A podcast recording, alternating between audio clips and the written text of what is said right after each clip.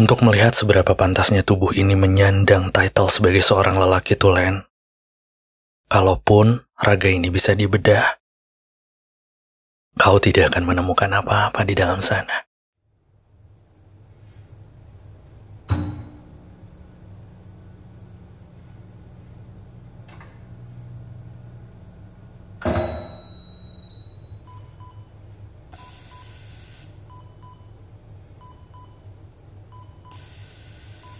Selain segepok daging dan lemakku, kepingan tulang bungkukku, juga gumpalan darah yang sirkulasinya terkadang lajunya sudah tidak lagi searah. Aku tidak ada gagah-gagahnya. Aku super biasa saja. Uji kelayakanku untuk masuk ke dalam jajaran pria-pria yang bersahaja mungkin boleh kau ragukan keabsahannya. Kau diperkenankan berpikir ulang sebanyak-banyaknya bila harus meladeniku secara langsung. Sosok manusia di bawah rata-rata yang sama sekali tidak ada bagus-bagusnya.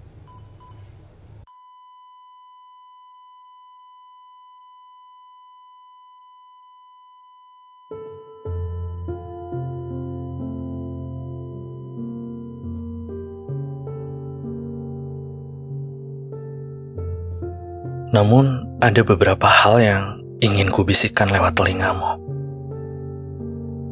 Aku bisa menyukaimu sampai ada di titik ini. Itu bukan berarti tanpa upaya. Kau pun tahu kan? Aku itu bukan spesies yang pandai merangkai kata-kata. Jarang sekali aku menulis puisi, apalagi tentang cinta. Kadang setiap kali aku mencobanya, di beberapa detik selanjutnya tiba-tiba saja bauku mengeras, mataku akan kabur, bibirku akan bergumam tak jelas, tanganku akan kaku kesemutan. Itu semua adalah reaksi yang kerap mencuat untuk sekedar menunjukkan betapa menyakitkannya cinta itu. Kau pun pernah dengar kan? Katanya, cinta itu buta. Maka aku akan memuntahkan segala prosaku dengan tinta kosong. Supaya puisiku tidak benar-benar selesai. Karena cinta tidak pernah selesai. Aku bukanlah pujangga. Tapi jika besok pagi aku harus bangun dan memutuskan untuk menulis puisi tentang cinta, Puisi pertamaku sudah pasti kamu. Ada bait yang isinya berbicara tentang bagaimana aku mencintaimu. Yang mirip sekali saat aku pertama kali belajar caranya mengendarai sepeda. Penuh dengan ketakutan. Gegabah tanpa bantuan roda tiga, tanpa pelindung siku juga kepala. Supaya ada banyak bekas luka yang nantinya bisa kusombongkan pada dunia. Ini loh bukti perjuangan saat aku memutuskan untuk jatuh cinta padamu. Lalu ada bait tentang bagaimana setiap hari aku bisa mengingatmu. Melihat hujan seperti melihat kulitmu yang licin dan basah. Melihat tanda berhenti di lalu lintas seperti melihat pipimu yang merah. Melihat bulan sabit seperti melihat lekuk senyummu yang bergairah. Atau bayi tentang betapa cerobohnya kamu. Iya, kau ceroboh karena selalu tampil cantik. Meski hari-hari di sekitarmu sedang berlangsung buruk.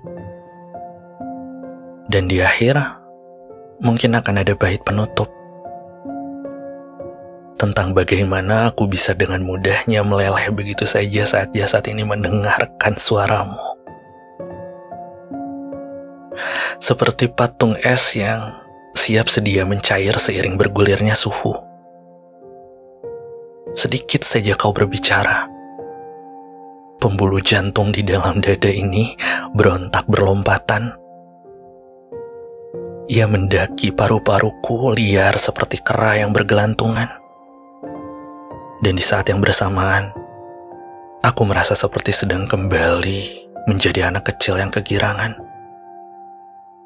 Aku bukanlah pujangga.